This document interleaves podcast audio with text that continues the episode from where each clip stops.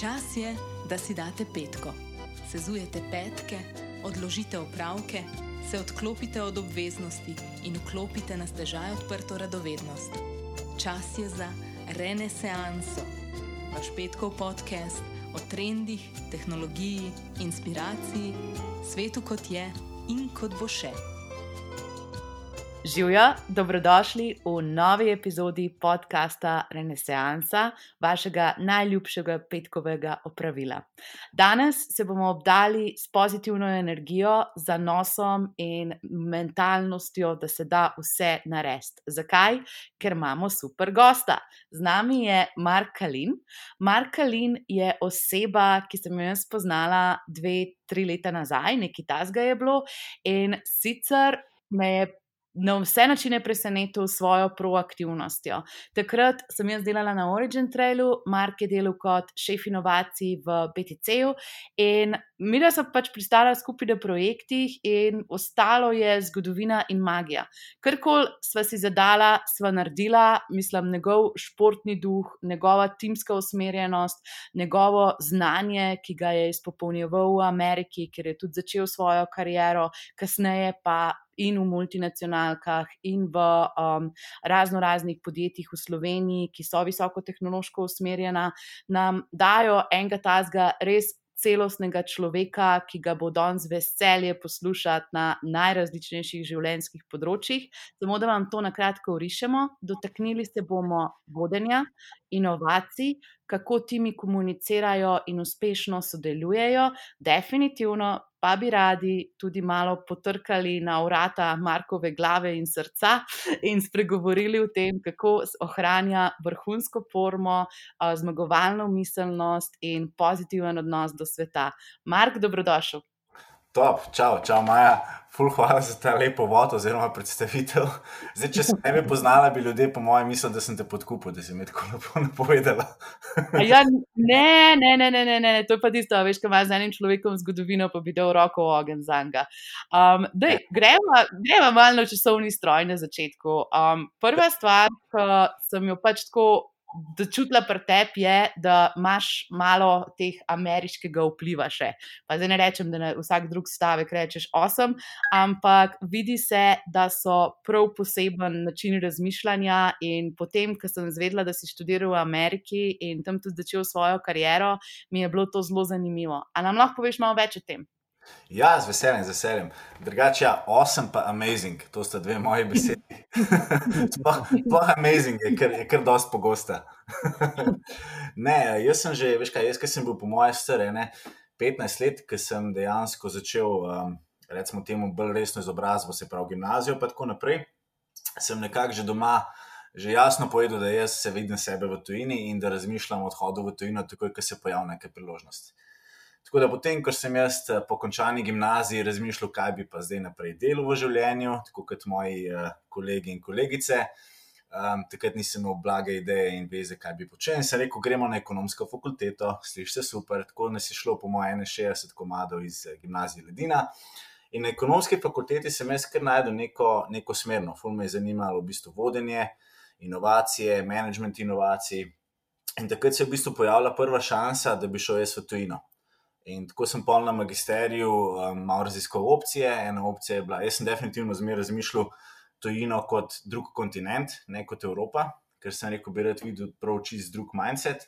Tako takrat so se pojavile priložnosti Kanada, Avstralija, Amerika. In ker je bila Amerika takrat uh, nekako se je še zdaj no. Neka država san, sem rekel, gremo v Ameriko. Tako da sem potem takrat šel v, v Ameriko, sem tam živel, študiral, delal, uh, preživel skoraj štiri leta svojega življenja, In je bila res tako zelo, zelo zanimiva, amazing izkušnja.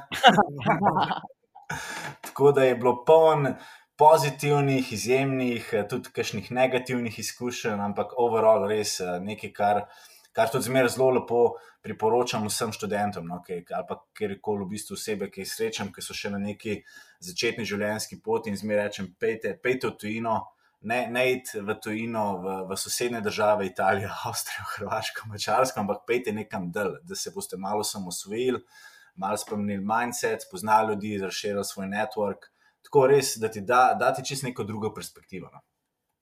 To je zanimivo, da si to rekel, ker sem jaz bila na izmenjavi na Dunaju. se pa sem te popravila in sem šla tudi v Škašankaj, ampak ja, jaz sem že rabila malo podaljšek, mami ne oskrbe očitno. Um, ne, um, zdaj pač tako, samo malo smo se pohecali. Um, rekel si, da si med magisterijem šel v Ameriko, pa me pa malo presenetila informacija, da si tam ustal štiri leta. Kako to? Veš kako, jaz sem v bistvu tam, tam zaključil um, MBA. Pa pa nekako uh, sem se kar zaljubil v, v, v ta del, v njihov način razmišljanja, uh, v te priložnosti, ki so se ponujale. Tako da sem pol, tako je po tem magisteriju se zaposlil. Moja prva zaposlitev je bila v, v retail trgovini Macy's, um, ki je v bistvu Znamo. ena bolj znanih franšiz. Um, tako da je bilo zelo zanimivo. No, prodajal sem obleke pa čevlje. Uh, bil sem slab prodajalec, nažalost. Da, um, po parih mesecih sem dejansko šel v neko drugo podjetje in tako se je začela moja karijera v, v Ameriki. Pa sem šel v bistvu prodajati počitniške pakete, um, tako na take različne stvari. No. Res, res, res nora izkušnja. Pol pa v bistvu, mislim, da po letu pa pol. Uh, sem pa dejansko dobil malo pomembnejšo pozicijo, sem pa prevzel vodenje ene franšize, kjer smo imeli tri oziroma štiri poslovalnice v, v Missouriju, v tej zvezdni državi. In je bilo kar zanimiva izkušnja. Takrat sem se prvi soočil v bistvu z vodenjem ekipe, uh, z raznimi dejansko financami, računovodstvom in vsemi temi pogledi, kako dejansko voditi neko mehko podjetje. No. In bilo res, res nora izkušnja. In tako je pol se kar, kar, sem kar podaljšal. No. Pa je v bistvu iz dveh let, pa pol, ali tri, pa pol, in pol, štiri, in pol, nekako sem pa jaz odločil, da je pa čas, da počasi pridem domov. um, veš, kaj bi te mogoče um, malo še se vrnila nazaj na to, kar si rekel? Uh, se mi je pojavilo eno pod vprašanje in sicer. Kje stvari na ameriški kulturi so bile tiste, ki si rekel, ja, jaz to hočem, meni je to kul, cool, jaz kot oseba tukaj dobro funkcioniram. Pa mogoče tudi glede na to, da se zelo veliko ukvarjaš z vodenjem, pa imaš zdaj tudi executive coaching na področju vodenja, pač predavaš, kako voditi um, zelo vrhunskim podjetjem. Kje so bili tisti elementi ameriške kulture, ki si pa rekel, wow, to je pa super okolje za delo? Veš kaj, oni, jaz mislim, da oni imajo tak zelo poseben mindset. In njihov mindset se mogoče razlikuje malo mal od evropskega, še posebej pa mogoče malo od slovenskega, je to, da je zelo winning attitude. Ja. Pri njih, pri njih veš, vsak failure je zelo cenjen in je v bistvu zelo welcomed. We need to fail, but we need to fail fast. In, in oni so zelo ta winning attitude, da gremo naprej mi smo zelo samozavestni. Jaz dejansko temu pravim neka pozitivna aroganca, um, ker so ja. v bistvu preveč samozavestni. In to je ta njihov attitude, ki jih dela izjemne, ki jih dela v bistvu.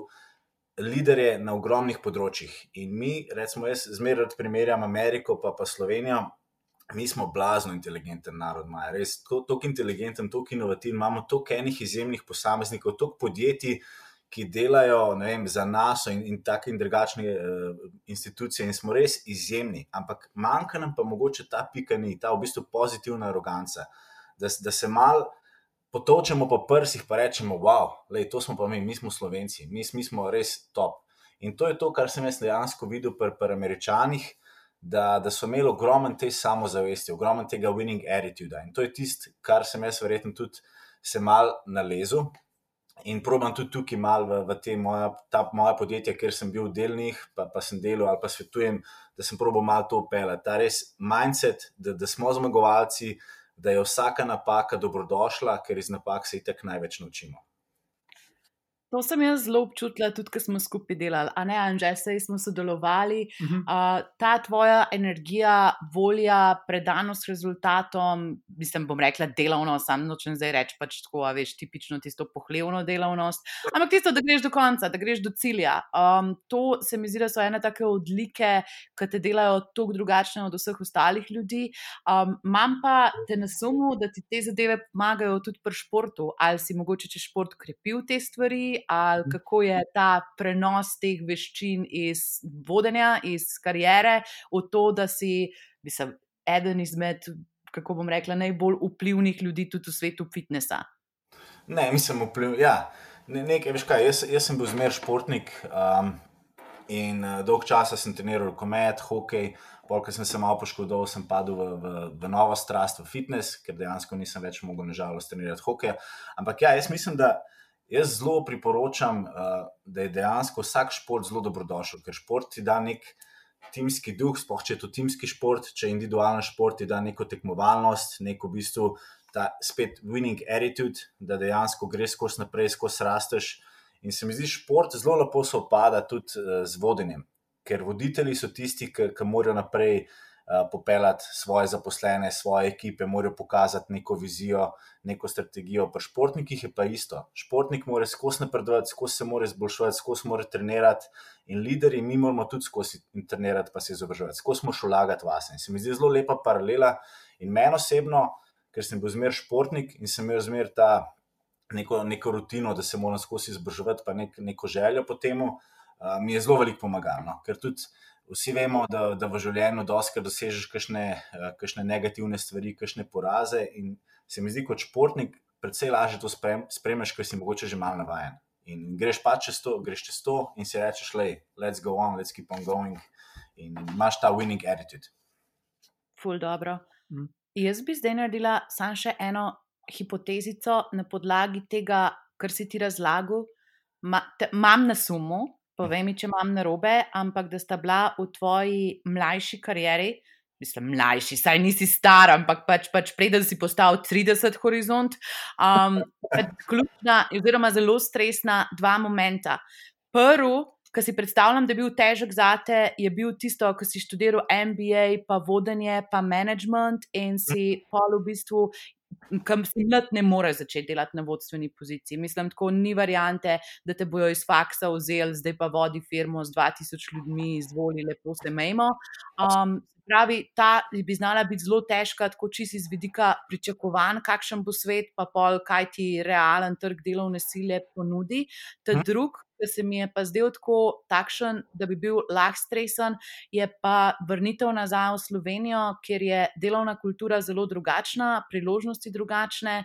In če si za, če bi sem sam validiril mi, če imam prav, pa povej malo več o tem. Ja, absolutno.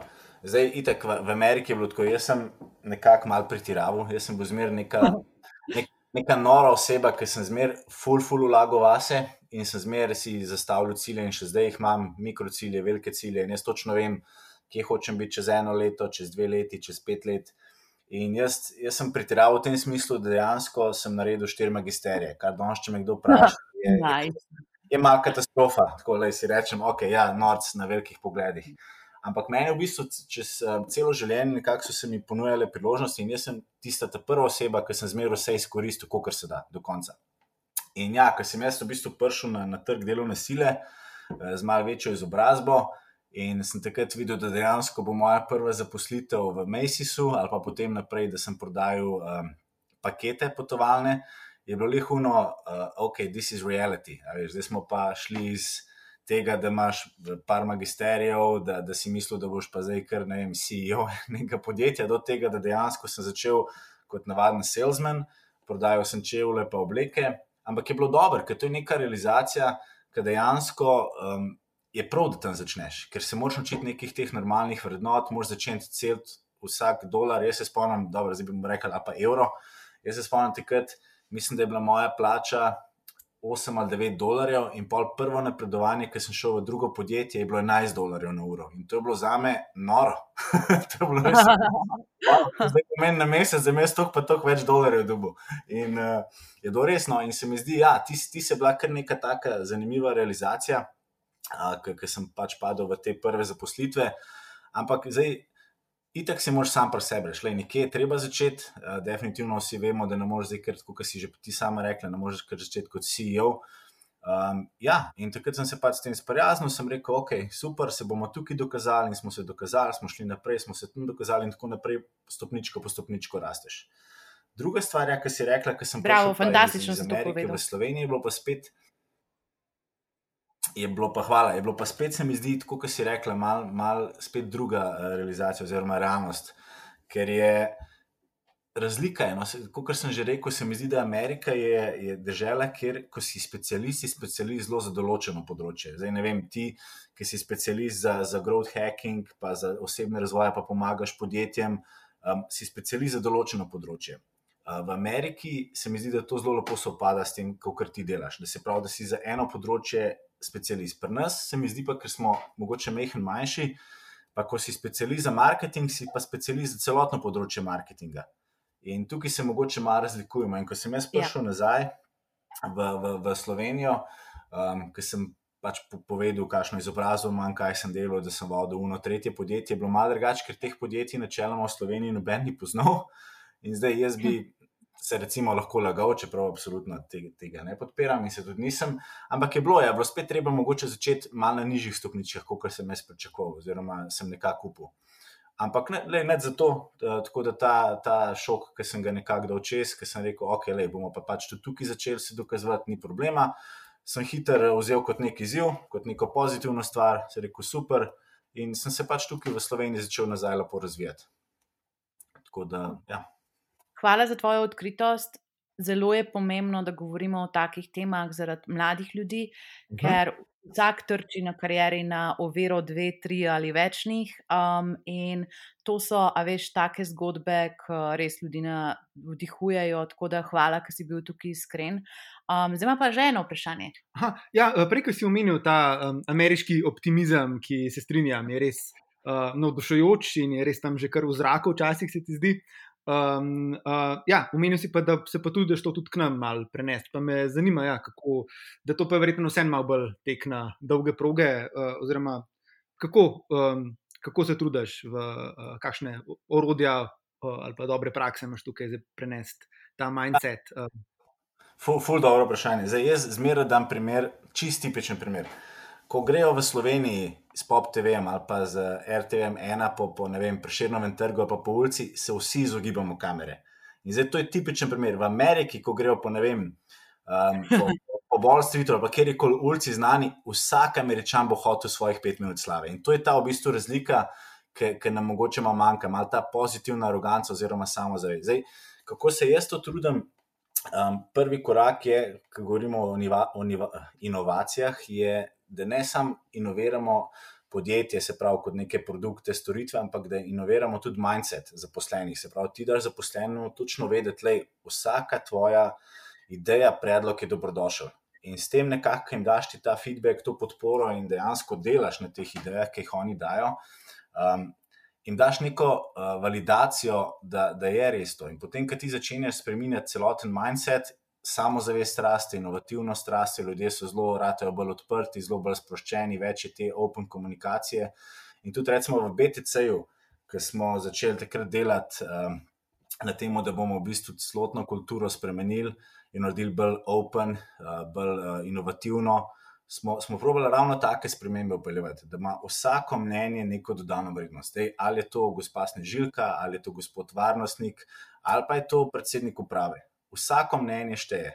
In to smo probali takrat eh, zelo lepo upeljati, in mislim, da nam je kar ratano. In s tem, ki ti daješ vsakmu zaposlenemu neko kredibilnost, pa možnost, da izrazi svoje mnenje in dejansko, da ga potem potrdiš, pa rečeš, le smo te slišali, to, kar si predlagal, je fantastično, bomo probali upeljati. Se mi zdi, da res kar celotna kultura zraste in tudi zaposlen dobi neko samozavest in se reče, le jaz sem pa dejansko bil upoštevan. Lej, ful dobro, ful dobro. In tako pol, pol skupaj vsi rastemo. No? In to se mi zdi, da ta samozavest, to, da, da daš nekomu eno moč, pa že sam potrditev, da rečeš, da smo te slišali, smo prejeli tvojo idejo, predlog, je full dobro. Ne bomo jo mogli realizirati, ampak da je še naprej, ali pa jo bomo lahko realizirali, da je še kaj še. Tako no, se mi zdi, da skozi take, skozi take pristope. No. Kul, cool, flora praksa. A pa vseeno misliš, uh, tudi pri, ne vem, sploh uh, v predavateljski vlogi si tudi verjetno z mlajšo generacijo v stiku, pa lahko pa še kaj več o tem poveš. Uh, ampak ja, za začetek pa um, z mlajšo generacijo, ki ne vem, se mogoče navajena že strima tudi na Instagramu ali pa kje, se vseeno tukaj spremenja ta attitude, da se, ne vem, recimo v tem primeru izogibajo kamere ozir, ali pa izpostavljenosti. Ne, se mi zdi, da mogoče mlajša generacija, sploh s temi socialnimi omrežji in mediji, da so mm. že mogoče malo bolj, mal bolj open. Um, ampak je, je, se mi zdi, mogoče malo razlika, zdaj, a govorimo v nekem osebni, recimo osebni blagovni znamki, ki jih imajo včeraj govorila, um, ali je to nek, se pravi, social content, ki ga daješ, ali pa nek business content. In se mi zdi, da tle, glede tega biznisa, so mladi še precej zadržani. Uh, zdaj, če pogledamo, ne vem, te kakšne Instagrame, Facebooke, Snapchate, TikTok ali kako koli. Ja, veliko mladih so, so zelo samozavestni, izražajo svoj glas, ampak polka pridejo pa v nek, recimo, poslovni svet ali pa v neko uh, izobraževalna ustanova ali kako koli, pa jih profesor vpraša, da je povej svoje mnenje, takrat pa malo zmrzne. No. Tako se mi zdi, da tukaj še zmeraj zmer manjka, manjka ta samozavest, ta preskok. Um, in tudi jaz, doskrat, ki imam kakšne mlade študente, in zmeraj rečem, dejte me čim več sprašovati, dejte. Ker najslabše ali pa najhujše, kar vam lahko rečem, je ne. Ali pa kako koli. Dajte me, ali pa da ne bom mogoče vedeti odgovor, ampak dajte me sprašovati. Čim več me vprašajte, čim več boste zvedavi, čim več boste kreativni, pa, pa, pa uporabite domišljijo. Res, čim več si upite. Ker tudi jaz se spomnim, ko sem bil um, študent, pa ko sem bil še malo bolj mlad, pa neumen, čeprav sem zdaj tudi dosti nor, pa, pa neumen.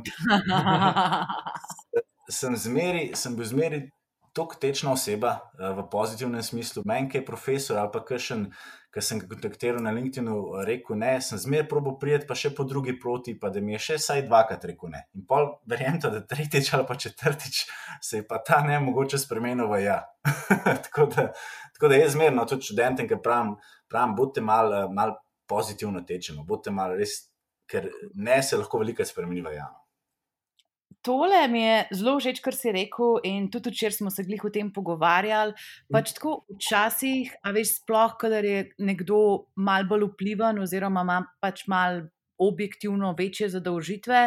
Uh, količina informacij in komunikacije, ki jo mi dobimo, je 200 do vse 500 sporočil na dan. In mislim, varianta, da pogledaš tele, na telefon in da te pol nekdo pokliče kam, in pač da enostavno zgubiš pozornost in pozabiš, da je to sporočilo obstajalo, je normalna, je življenska. In jaz sem jim sam še hotela povedati to, no, ne jemati stvari tako hudičevo osebno. Ker ja. s tem mi pa zdi, da vsaj v Sloveniji, a veš, imamo tudi take težave, pa samozavest mi je zelo všeč, da si začel govoriti. Druga varianta pa je, da jaz te ne sovražim, če ti tri dni ne odpišem na mail. Ne vem, pač bila sem vikend na off, nisem imela telefona, nisem mi dal brati tvojega A4, v redu je in bom s tabo v torek. In pač to nima nebene zveze s tabo in z najmim odnosom, to je pač tako neka stvar, ki jo imam jaz v osebnem življenju za to, da ohranjam dobro počutje in zdravje. In a si ti mogoče tudi iz vidika tega jemanja stvari preveč osebno opazil, kakšne čudne dinamike v timih, s katerimi delaš?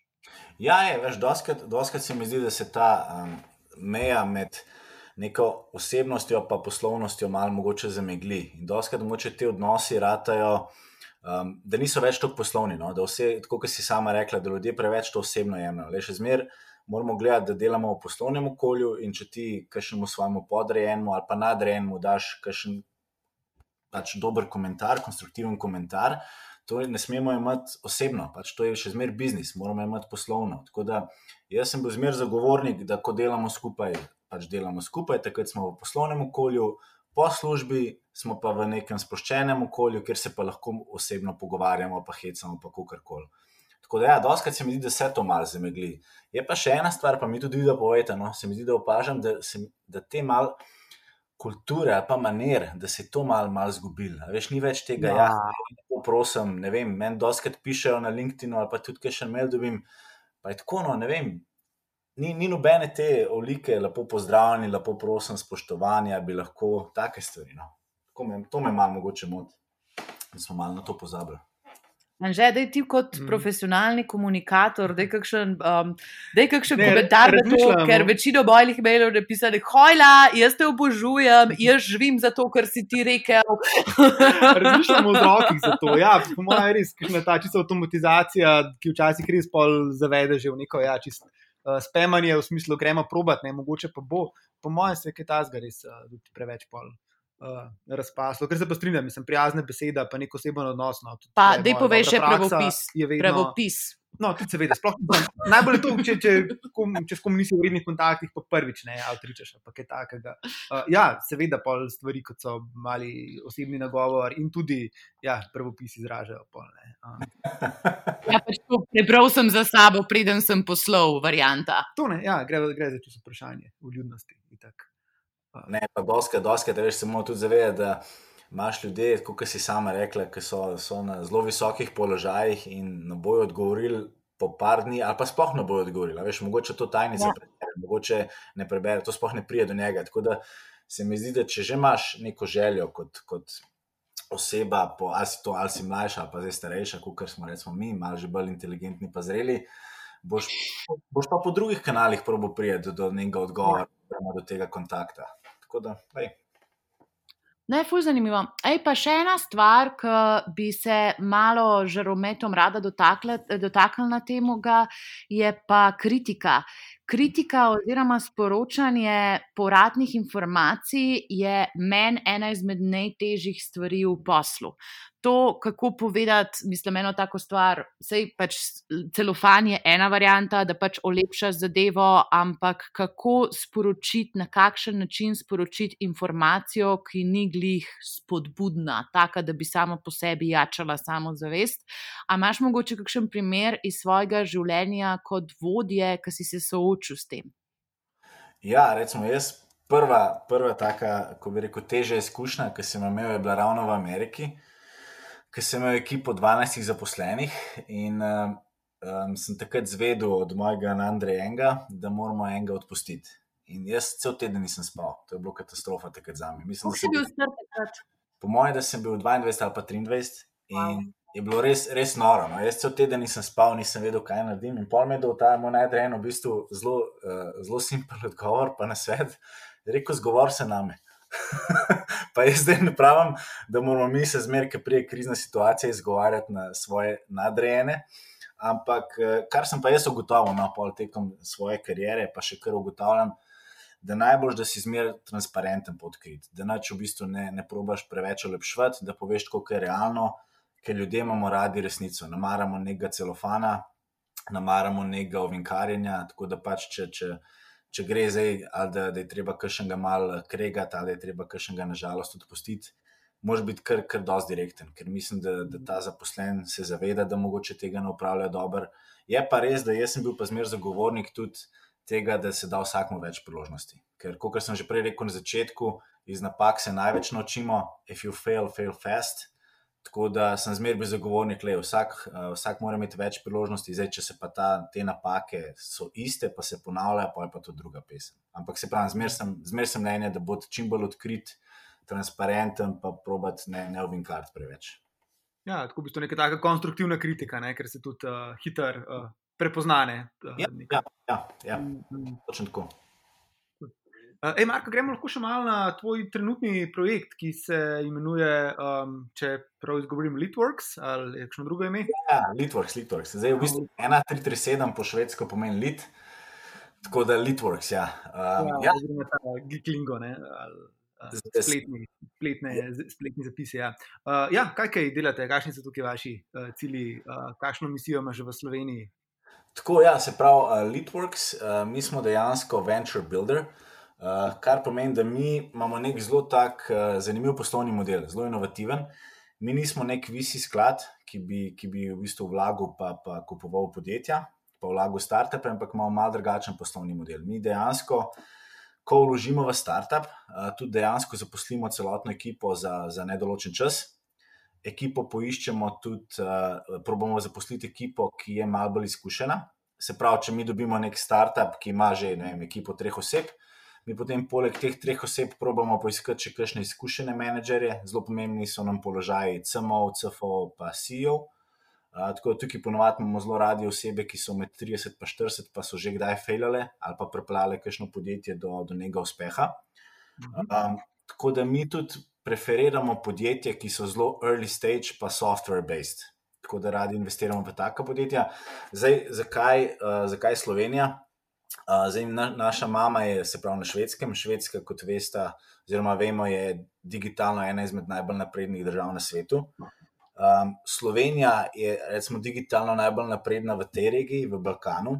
In potem imamo mi tudi podjetje v Dubaju, tako da imamo v bistvu to povezavo med Evropo in Azijo. In zdaj, če gledamo Švedsko kot najbolj, eno izmed najbolj digitalno naprednih na svetu, Slovenijo, ki je zelo napredna za ta del Evrope, uh, In Slovenci, kot sem že prej rekel, smo blazno inteligenten narod, blazno delaven in imamo ogromno nekih idej, inovativnih idej. In ogromno startupov se pojavlja v tem balkanskem predelu. Zato, tudi, eh, zato smo se odločili, da tukaj stremimo podjetje in se začnemo počasi predstavljati uh, tej regiji. Imamo tudi kar pre, pre, pre, pre, visoke ambicije. Um, tako da zdaj počasi delamo malo strategijo, kako se bomo predstavili tej regiji, kakšne startupe bomo investirali, malo že raziskujemo, se povezujem jaz tudi s parimi, uh, parimi uh, investitorji, tudi z našim pospeševalnikom smo se že malo pogovarjali. Ampak v glavnem uh, smo še malo tako v, v inkognito, malo skriti.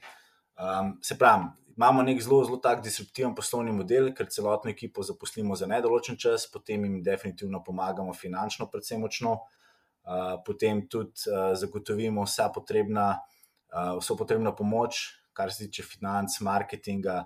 Tako da dejansko ta nek startup, to neko podjetje, ima vse pogoje, da uspe, ker mu pripeljemo tudi osebe, ki so kompetentne, ki so že nekaj dosegle v življenju, in mi tudi nekako smo sklad oziroma venture builder, ki se s tem podjetjem potem poroči za 5 do 7 let. Tako da nismo, da bi mi delali exit takoj po enem letu, ampak res probamo narediti neko uspešno zgodbo. Zdaj smo imeli eno podjetje, ki smo ga pripeljali do 210 zaposlenih, in to je tudi neka naša vizija, da pripeljemo nek startup na res nek visok nivo, in so potem oni lideri na tem področju, in potem mogoče razmišljamo o exitu. Ej, Mark, pa mene je fulj zanimalo, pa niti treba odgovoriti na to vprašanje, če slučajno nočeš. A si jih ti prepričal, da pridejo v Slovenijo, a so oni sami identificirali Slovenijo kot najnaprednejšo regijo, bi se državo na Balkanu? V bistvu je bilo oboje malo. No. Uh, oni so, hmm. so že razmišljali, ker mi imamo uh, hčerinsko podjetje, ki dejansko smo ga, smo zdaj tu naredili exit. Um, smo že imeli v Sloveniji in tako so oni čez to hčerinsko podjetje nekako prepoznali potencial. Pa pa potem, ko smo se mi dejansko začeli malo bolj pogovarjati o strategiji, ko sem se jaz pa družil ekipe, sem pa jaz dejansko jim pokazal, da mi imamo ogromen startupov v tej regiji, ogromen inovativnih rešitev. Uh, ker se pravi, zelo težko je prepričati uh, švede, oziroma švedsko, ki so res digitalno zelo napredni, uh, da smo mi pa tudi, da imamo blazne digitalne rešitve, da imamo ogromno nekih startupov, da imamo ogromno uh, entrepreneurjev, ki dejansko razmišljajo. In ker, ker prednost Slovenije je, da mi, ki imamo startupe, že tako avtomatično razmišljajo globalno, ne lokalno, ker smo dejansko tako mehen trg da ostali startupi, naprimer na švedskem, pa v drugih državah, ki pa že imajo mehen večji trg, pa razmišljajo lokalno. In naša prednost je, da naši startupi, ki se rojevajo, že tako uh, globalno razmišljajo in imajo ta different mindset. In to en blazno všeč in to jim zdaj dejansko tudi uh, nekako apeliram in pripravljamo strategijo. Tako da mislim, da, bo, da bomo se kar hitro začeli tukaj predstavljati. Pa jaz bi ti vse na tej točki no še enkrat čestitala, ker jaz sem tudi bila pri razno raznih teh venturjih, ki so se odločali za investicije. In mislim, včasih pride do takih neumnih stvari, kot so birokratske uvere, kakšni so davki, če laš lahko Y v imenu podjetja ali ne, je bilo pred parimi leti še aktualno. In a veš, ko se nekdo odloča za investicijo, jim samo okolje oziroma poslovna prijaznost okolja zelo velik pomen. Tako da, če so šli čez proces vzpostavljanja vsega v Sloveniji, hvala Bogu, se jim lahko pomaga, imajo res, res, res, res, res močno motivacijo, da v to okolje vlagajo in se razvijajo. E, še ena velika zahvala iz moje strani, pa za tvoje delo v sklopu inovacijske skupnosti. Um, se pa spomnim, ko si še vodil inovacije na BTC-ju in si vedno res bil zelo fair, zelo takšen poln navdušenja, vključujoč.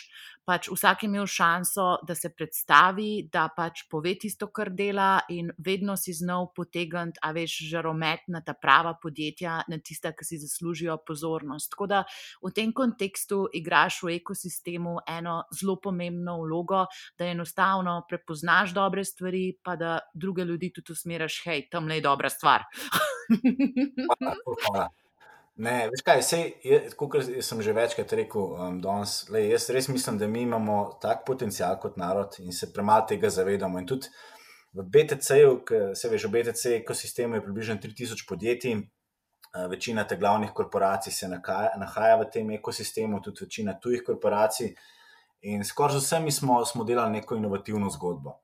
In doskrat, ko smo imeli kakšne delegacije iz Tunisa, uh, Kitajske, potem iz Rusije so prihajali iz Amerike in ki smo jim predstavljali ta BTC koncept, kaj smo ustvarjali, to je Innovative City, oziroma največji ali pa en največjih living labov za testiranje pametnih rešitev, so bili vsi šokti, kaj smo dejansko dosegli, kaj dejansko delamo v Sloveniji. Ker Nažalost je tako, da ko se ti pogovarjaš s kakšnimi večjimi podjetji, um, kot je naprimer Audi, ki smo se takrat pogovarjali, da bi testirali avtonomna vozila, ali pa BMW, Slovenija ni na zemljevidu, oziroma tega južnega dela Evrope dejansko ne obstaja na zemljevidu in, in je do žalosten. In mi smo v bistvu.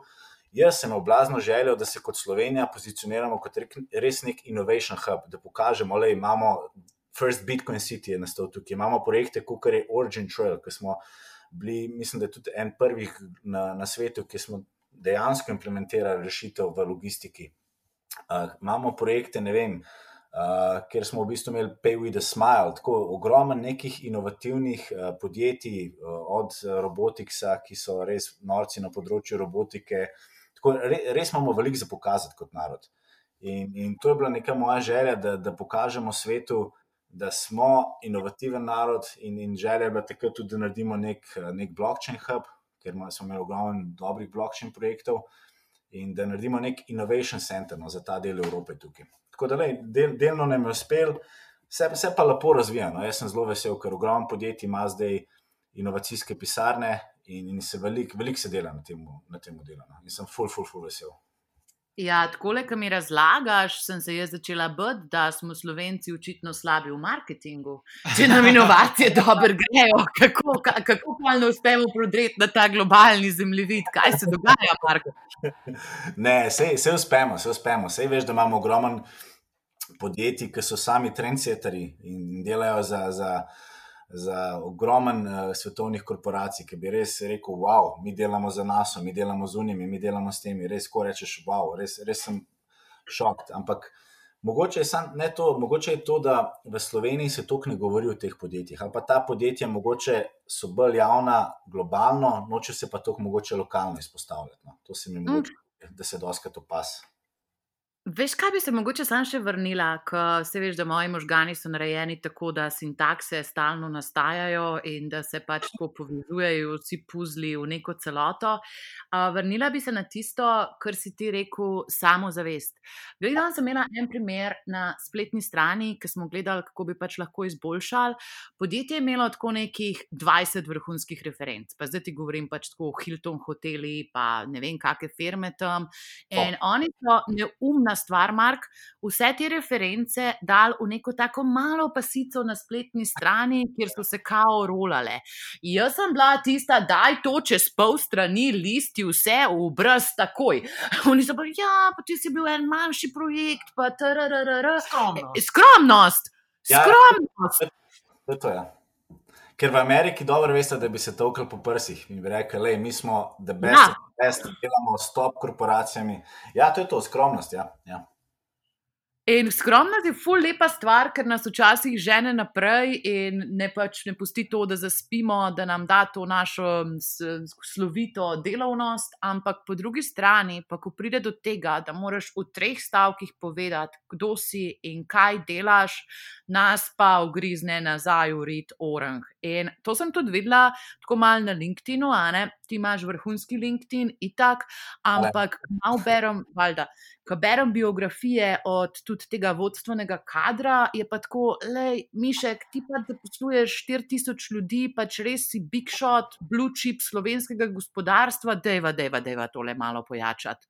Ja, ja, se strinjam, se strinjam. Veš, kaj se mi zdi tudi, um, in to jaz tudi veliko zagovarjam, in se mi zdi, da tudi to je ta način, ki si prej že me sprašal, kako v bistvu narediti eh, bolj samozavestne zaposlene, da, veš, da v bistvu vsako mehko zmago proslavaš oziroma čestitaš, da daš javno vedeti, da zmagali smo. In torej, primer tle, ki si rekli, da ste imeli podjetje, ki je imelo 20 svetovnih referenc, veš, vsako to referenco bi se mogli vodstvo dobiti, ali pa zaposlenimi skupni bi mogli reči, da zmagali smo, pa proslaviti, pa nazdraviti, pa čestitati tistemu, ki je bil za to odgovoren. Res pokazati, da je wow, le, le kaj smo naredili, noro. Tako, ne samo enkrat, ampak tako, kar nekako redno obnavljati vsake tok časa. Včasih tudi ta začetni hypol, ne vem, ja, gre dol. Ne? Tako, da, ja, ja, ja. Absolutno, absolutno. Ne, ne bo včasih tako, mislim, veš.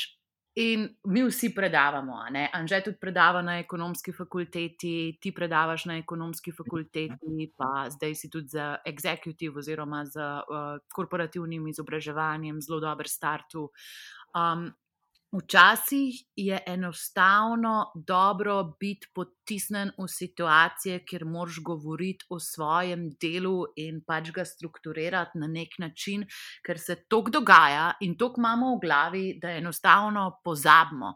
In to, kar si rekel, proslavljanje malih zmag. Mislim, po drugi strani pa, o moj bog, koliko sem pa že naredil, koliko je pa to super.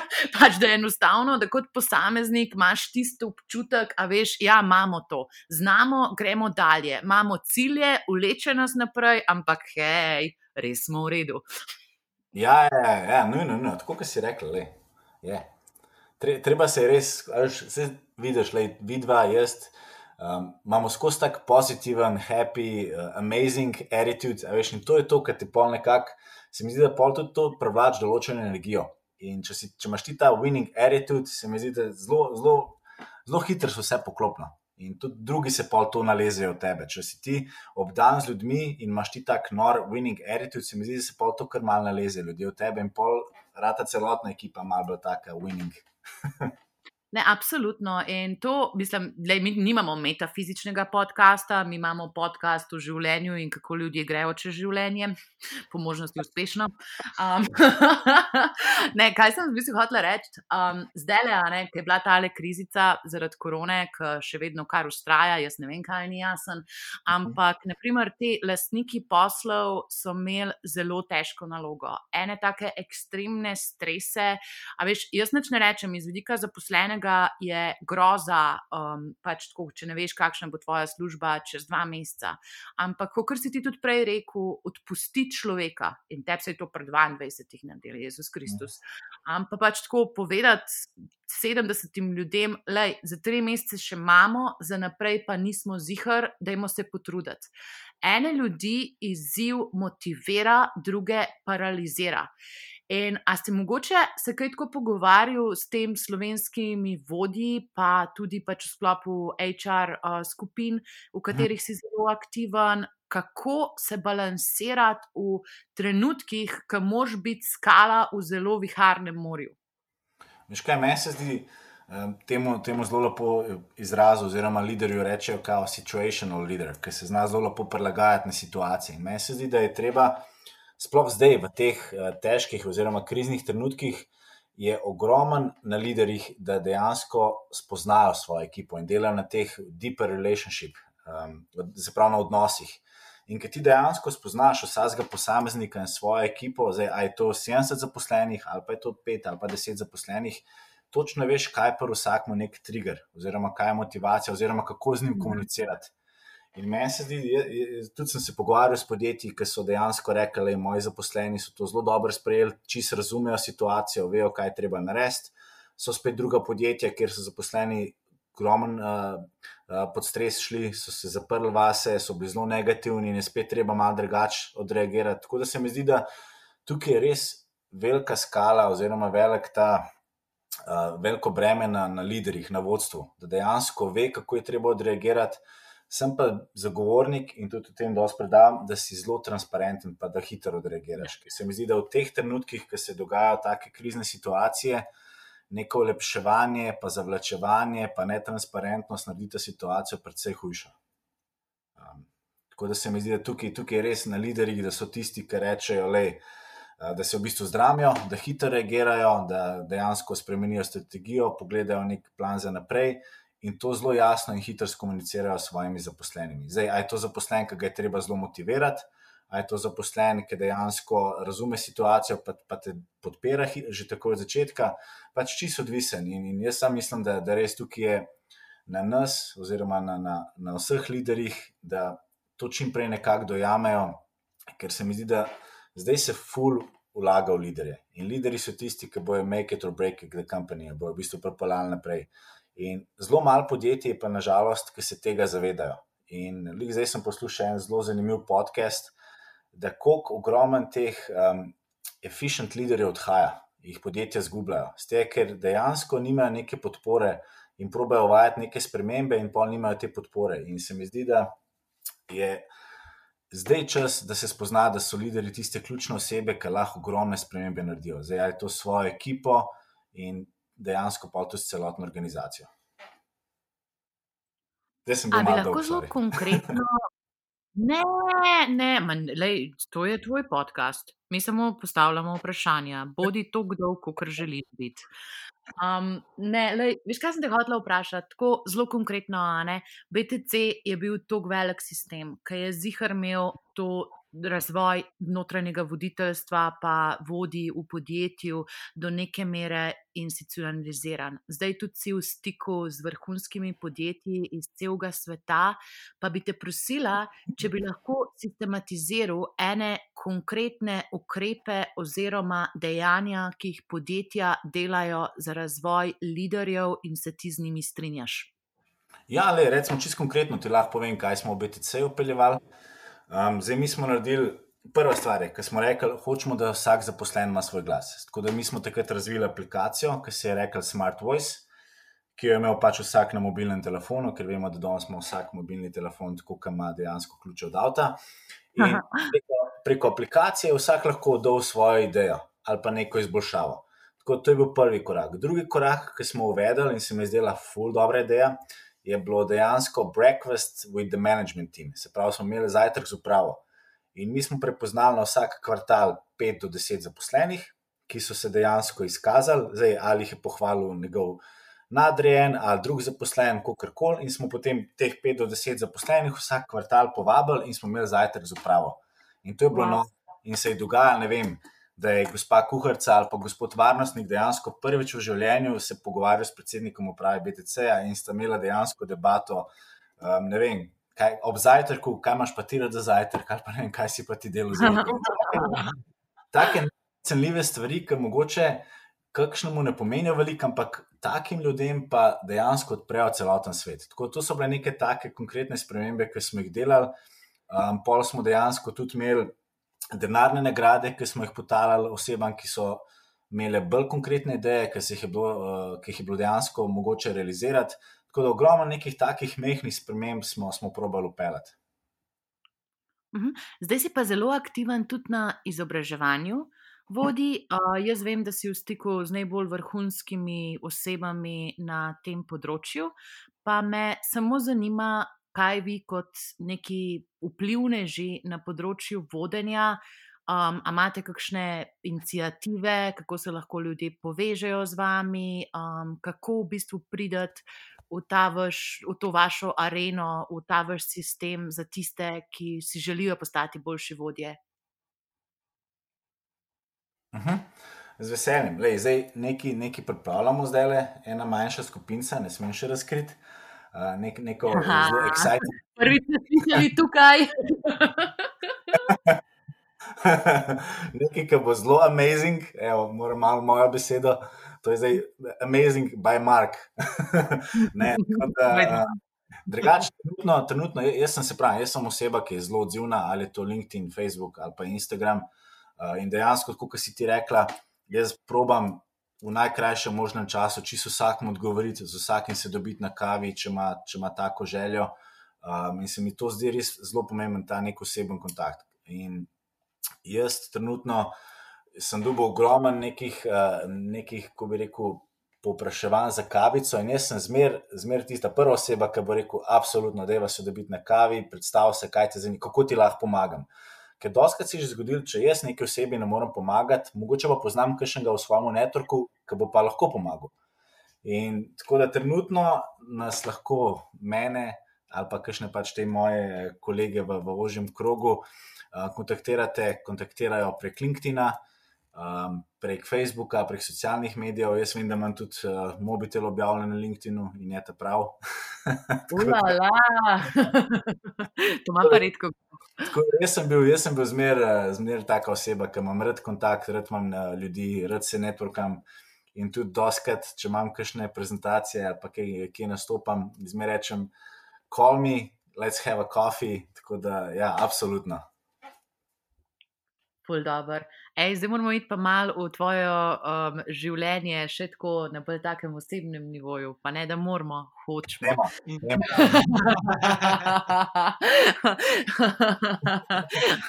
Anže, če si smo trenutno. opazili že ja, na Instagramu, da imaš uh, novega vadija, kako bi rekel, ki precej hitro raste. In mimo je Tošija, ne? To še Um, ja. in je uh, pes, pasma, pa boš ti boljše vedel povedati. Ja, Ne povej mi, kako se je tvoje življenje spremenilo, odkar imaš tošija. Veš kaj, jaz sem imel že prej, že prej dva zlata prinašalca, ampak tako, kot vidva, veste, so to, se, se zelo navežeš. In pol sem nekaj časa odločil se, ko sta nažalost oba poginila, a bi imel kuška ali ne.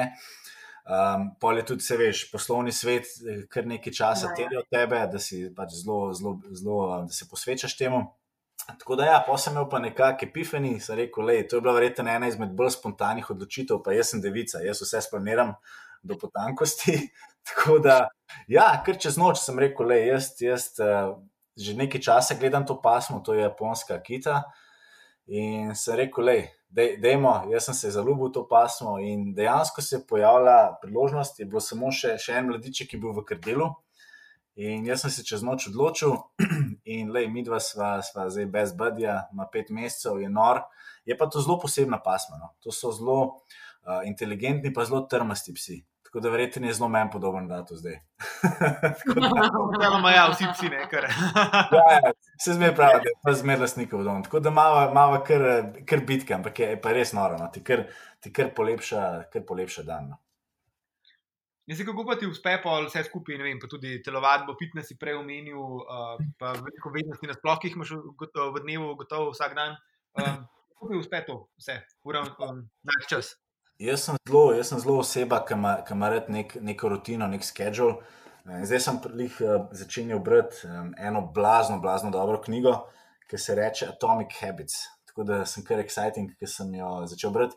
In tako da, ja, jaz imam, jaz imam zelo, zelo, um, sem zelo človek, ki ima rutino. Tako da, primer, moj dan se začne 6:30, jaz vstanem, uh, grem na kolo, ob kolesu poslušam uh, kakšen podcast, ki imam ene 5-6 podcastov, ki jih fulet poslušam, uh, potem greva na sprehod. Polka pridem v službo, si zmeraj vzamem pol ure, da preberem še par teh medijev, kot ne vem, Harvard Business Review, New York Times, take stvari, da prijem malo tekoče, kaj se kje po svetu dogaja. Tako da jaz imam zelo, zelo neko rutino. In se mi zdi, da je da danes v, v tem svetu, sploh pa zdaj, v času neke te krize korone, je zelo pomembno, da imamo neko ustaljen uh, urnik, neko rutino, um, ker se pol tudi lažje, se mi zdi, da se lažje zorganiziraš, lažje lažje handla življenje. Tako da, ja, in tudi zdaj z njim, čeprav je, je, je, je pač neka velika odgovornost, ima rutino, dvakrat na dan sprehod in, in je, je full dobro. Tako da jaz tudi sem bil zmeraj mnenja, vse se da, če se hoče. Jaz štiri leta v Ameriki, se spomnim, eno leto pa pol je bilo res katastrofa. Takrat sem delal dva magisterija, službo sem imel. Uh, takrat sem se tudi zelo vrgel v fitness in sem tudi probil uh, malo tekmovati v tej, v tej uh, disciplini in sem po mojem spal 4-5 ur na, na dan, leto pa pol. In je bilo, je bilo res noro, zelo, zelo težko. Ampak jaz takrat, če ne bi imel neke ustaljene rutine, takrat se treba zbuditi, si hrano pripraviti, trenirati, vstati na faks, po faksu delati, pol se učiti. Uh, bi verjetno zelo težko to shendlo. In ta, ta v bistvu rutina, tudi kot športnik, ki sem se mogel v bistvu učiti, pa prilagajati športu, uh, pa biti spočit, pa iti spat, pa tako. Ta rutina mi je v bistvu stala čez celo življenje. Jaz imam zelo rad rutino in jo lej, vsak dan jo, jo furam. Zdaj sem zelo uvedel. Jaz imam tudi pol med sedmo in osmo uro zvečer, imam zmer eno uro, ki jo namenjam izobraževanju.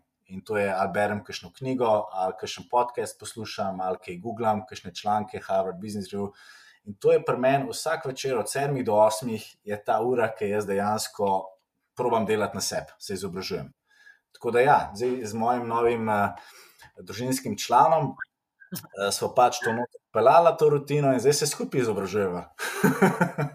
A pa se on izobražuje. ja, točno, bravo, že oganil si. Sej imamo, imamo tudi pasjo šolo, tako da tam se pa skupaj izobražujemo. ne, ful dobro. Um, veš kaj, prej si govoril še o ciljih in to vprašanje sem imela jaz pripravljeno, tudi če ne bi ti govoril nič o ciljih. Um, ti res deluješ kot en takšen človek z zelo jasno vizijo. A bi nam zaupal, kakšen svoj način postavljanja ciljev, a pa še nam še celo kakšen cukor daš v smislu, kje se ti vidiš čez pet let, po želji. Ja, absolutno. Zdaj, um, jaz tudi mogoče eno stvar delam, ki je bilo pred parimi leti, je bilo uno Sweet 16, zelo za najstnice, tako da jaz si pišem dnevnik. Ampak to ni, ni tako klasičen dnevnik, zdaj da bi jaz noter pisal Ja, to je Simon Belačič, za retrospektivo. Ja. Ja, ampak gre dejansko za, za tak nek business diary, tako da je res, res full toplo priporočam. In dejansko si zjutraj napišeš cilje, se pravi mikrocilje, ki bi rad dosegel ta dan, ali so to kakšni sestanki, ali je to ne vem, uh, kakšen projekt, ki ga moš izpeljati, se pravi neki mikrocilji. In pol po koncu dneva imaš pa v bistvu noter točke, kukar, uh, kaj si dosegel, kaj še moraš zašešt, komu si hvaležen, kaj se je dobrega zgodilo v tem dnevu. Uh, in take stvari. In to meni res nekaj, kar, kar zelo toplo priporočam in mi tudi ful dobro, ker res pol na koncu dneva vidim, le, ali sem bil res uspešen, ali nisem bil tako uspešen, oziroma kaj, kaj je tisto, kar moram zdaj pa res popoln naslednji dan narediti. Pa taka neka retrospektiva je, ki dejansko vidiš res, um, koliko imaš dober life, koliko, koliko ti dogaja. Aha. Meni je zanimivo, kako si ti izbral to na dnevnem nivoju delati, ker sama tako približno že dve leti delam to na tedenskem nivoju, pač 15 ciljev na teden, ker sem se rahlo zalotila, da jaz zelo precenjujem, kaj lahko naredim v enem dnevu in zelo podcenjujem, kaj lahko naredim v enem mesecu. Ne vprašaj me, kakšen sem v enem letu. Um, ja, um, ne, mislim, meni pač pa še osebno na moj life tedenski uh, planning to mi je ful pomembno. Um, ti pa tako delaš na dnevnem, a imaš tudi kakšne druge časovne uh, dimenzije? Pol? Ne, veš kako, jaz imam, ja, imam, imam mesečnega, pa pa, pa pa pač tudi dnevnega. Se pravi, dnevni je mm. tak neki mikroteski, mesečni je pa ne vem, nek, neki večji cilji. Ne vem, zdaj imam pa, imam pa mesečnega razdeljenega na neke poslovne cilje ali pa na neke osebne cilje. Osebne cilje imam zdaj, recimo, da bi rad ta mesec tri knjige prebral. Tako, o, lepo. Bomo, bomo videli, če mi rata. malo za moj. Mal za moj. Jaz sem malo za vikend. ena na dan, Mark, ena na dan. Zmer sem bil oseba, ki je imela, ki je imela skozi neke, neke cilje. Um, da, ja, kar se tiče le, kar se tiče pa zdaj, kje se vidim, ne vem. Čez eno leto, čez eno, zdaj tako je, jaz tri leta um, oziroma nekje 3 do 5 let imam neko ponovado obdobje, ki si, si ga zadam. Tako da zdaj se mhm. definitivno vidim v, v tem podjetju, kjer sem zdaj, um, se pravi Litworks, ker imamo kar lepo zgodbo, imamo še ogromno pot pred nami, ogromno strategijo za izpeljati. Mi imamo še cel, se pravi, celo to balkansko regijo, uh, da se tukaj pozicioniramo. Um, dejansko je tudi um, plan naš da v roku leta, leta pa pol investiramo vsaj v nekih 17 podjetij, eh, kar je kar precej ambiciozno. Uh, tako da plan definitivno je, da, da razširim to ekipo v Sloveniji, um, da se tukaj še precej pokažemo na Balkanu, potem verjetno, ko se bo ta balkanska regija razširila, imamo plan tudi na druge kontinente. Um, to je nek posloven cilj, hkrati je moj posloven cilj zdaj, da se še bolj, uh, bolj odprem na področju leadershipa, da pokažem še malo. Eh, svojega know-how, oziroma s to skupino, ki jo zdaj razvijamo, da naredimo res nek dober kontent za leadership. Se mi zdi, da v Sloveniji mogoče tega malo še manjka, oziroma je, ampak ni tako fokusirano. Um, imam pa tudi ogromno osebnih ciljev. Veš, jaz, jaz, rad, um, jaz sem zelo oseba, ki zelo rad vlaga vase, čim več izobražuje. Tako tukaj imam, zdaj le imam če vam povem, imam 13 knjig na seznamu, ki, ki jih moram prebrati in jih želim, in jih moram eh, dejansko do konca leta nekako poklukati. Um, tako da, ja, no, imam, imam ogromno nekih stvari, ki jih hočem še na osebnem um, življenju doseči. Uh, ena stvar, ki ne vem, če je to za naše poslušalce. Ne vem, no jaz tudi ne vem, probi pa bomo odrezali, če ni za naše poslušalce. Puno, pi, a veš, umej, ne, se. ne, tudi, eh, zdaj sem se full vrgel v, v neko duhovno osebno rast. Veš, se mi zdi, da v teh časih, ki smo malo pod stresom, moš veliko delati na sebi. In ena stvar, ki, jo, ki sem jo začel delati, poleg tega, ajde, da berem, pa probam neko jogo, pa to je tudi uh, tantra. zdaj sem prvič. Prvič, uh, o tantričnem seksu, no, ampak več pa ne povem. A, a že jaz sem rahlo brez sape, da je to vprašanje. Tako, če sem ti.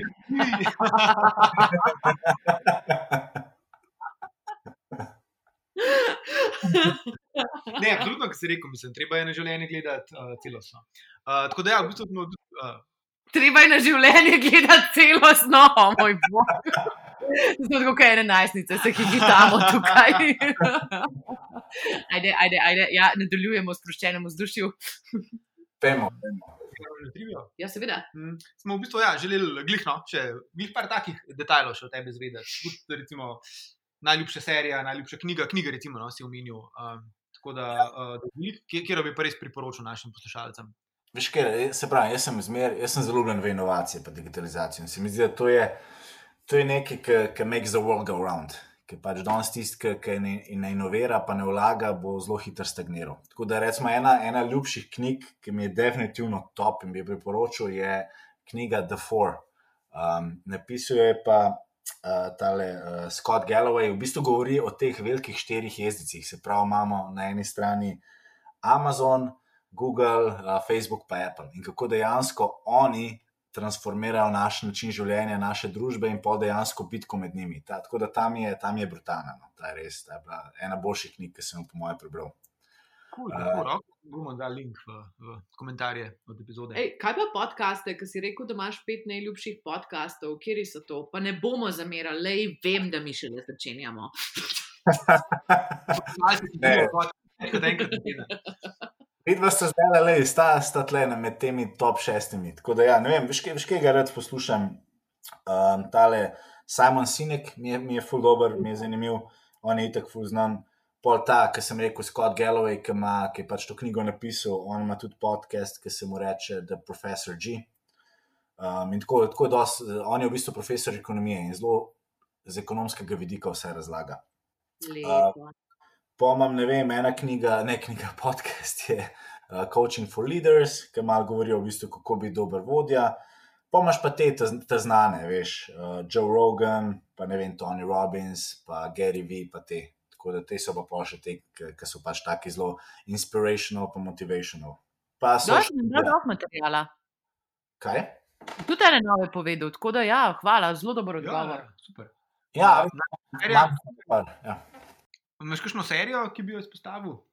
Uh, veš, koliko je zdaj, le je ene par dobrih, pa itek, ve, ne vem, če ste slišali, ali pa veste, da je ta v Sloveniji bil ta The Money Heist, oziroma zdaj po svetu je blazno porušil vse rekorde in jih, in jih ruši, tako da ta je definitivno na, na vrhu. Pa pa itek te klasične, no, ki smo jih vsi, um, vsi gledali, kaj je že bil ta snov, uh, kako je že bila serija. Game of Thrones.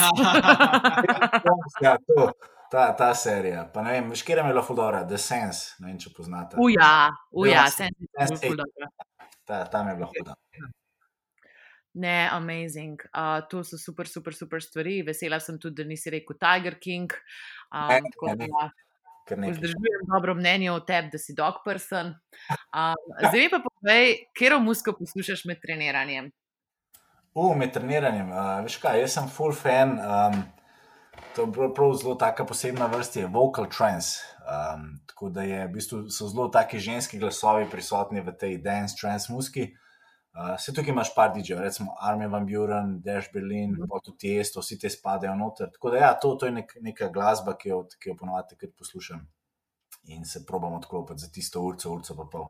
In mi prav paše. Sem se pa, pa to, sem se pa pogovarjal enkrat, eh, sem imel enega kolega, ki je pa profesor na filofaksu, on je pa podcaste poslušal med treniranjem, kar je bilo noro. In se nisem nikoli mogel predstavljati, kako lahko poslušaš podcast, ki se tam pogovarjajo o neki blazno zanimivi zadevi, ti pa dejansko tam se napenjaš, dviguješ, treniraš. Reš ponovitve. ja, noro, noro, to mora biti res dober fokus. Ker jaz, na primer, ne morem niti glasbe z vokali medtem, ko delam poslušati, zato ker sem tako pozorna na lirikse. ja, lej, vsak po svoje, sej jaz pa še vmes malo pojem, sicer ne skrivaj, ampak lej. V redu je, sej imaš velik avto, zdaj če to še ne moti, v redu je. Ej, um, zdaj v bistvu že počasi zaključujemo, bili smo organizirani, šli smo čez lepo vse sklope, smo ponosni na to, kar se je danes lepo odvijalo pri snemanju. Um, tako da, dej, Poleg tega, da te lahko povabimo na kavo, a veš, zdaj pač, ko je malo um, karantena, pa se moramo družiti sam s člani lastnega gospodinstva, kjer so najboljši načini, da se poslušalci povežejo s tabo in da vzpostavite stik. Ja, le, definitivno LinkedIn ali pa kakšen moj mobitel, se je zaradi mene ga lahko delite, bom ne zameril. Um, ali pa pridejo v BTC, mi se nahajamo v 14. nadstropju, tam, ki si bila, sta bila prej vidva. Tako da, ja. Tam ti spadaš, Mark, Mark, na vrh. top, ja, top. Tako da, um, ja, definitivno socialni mediji, kakšen mobitel, e-mail, tako da to zaradi mene, le, jaz sem zelo, zelo open person. In, in z veseljem, se mi zdi, da je tudi ena stvar, ki jo zmeri zmeraj svetujem kakšnim mladim generacijam, da, da boste poizvedavi in dejte čim več ljudi kontaktirati, širite svoj network. Ker se mi zdi, da tako boš rastel, pa si uh, širil obzorje, ker boš spoznaval nove ljudi. Pa, jaz osebno sem imel to srečo, da sem imel zelo, zelo dobrega mentorja um, in sem se veliko od njega naučil. Tako da jaz, jaz zmer vsakmu fulto priporočam, da res si proba najti enega mentorja, pa da ne bo čim več uh, poizvedal, čim bolj curious, pa da ne bo tečen v pozitivnem smislu. Veš, da, da, da, ustrajen, ja, tečen je. Veš, mislim, ima reči trmas, ti rečeš uh, tečen, jaz pač enostavno rečem ustrajen. Ja, verjetno je to boljša beseda. Ja. Ne, ampak definitivno dober, um, dober, dober, dober na svet. In ja, ta zanos, ta energija, te je popeljala daleč v karieri, te je naredila enega izmed bolj prepoznavnih ljudi v slovenskem poslovnem svetu. Tako da upam, da so danes poslušalci uživali, ko smo se spoznavali na tako različnih nivojih. Šli smo na faks v Ameriko, potem smo začeli kariero, inovirali vse povsod, postavili Slovenijo na zemljevid in se na koncu še naučili, kako, dober, kako biti dober vodja. Tako da super pot je za nami, Mark, hvala lepa, da si bil na naš gost, pa še kdaj prid. Z veseljem, ful, hvala vama, res, res noro. Tudi še enkrat čestitke, pa pohvale, da ste poštartali ta podcast, ki se mi zdi, da je to res nekaj, kar rabimo, da se čim več, čim več liderjev, čim več norcev oziroma inovatorjev sliši, pa da se zve njihove zgodbe in da se da mladim res neko platformo, da lahko da lahko zvejo, pa da nas lahko kontaktirajo, pa da se lahko čim več povezujemo. Tako da res čestitke, pa vsaka čas. Hvala, točno to je namen. Pač mi smo tukaj za ostale ljudi, za mlade generacije, za tiste, ki iščejo informacije in hvala, da si del te zgodbe. Zdaj pa se res poslavljamo. Yep, hvala, Mark, da ste z nami. Uh, hvala vsem. Poslušalcem tudi, uh, če ne bi bil podcast všeč, mu lahko pustite pozitivno oceno v Apple Podcast oziroma kjerkoli poslušate, se naročite, če še niste. In ja, Hvala, Mark. To je to, do naslednjič, adijo. Hvala, čau, čau. Ja.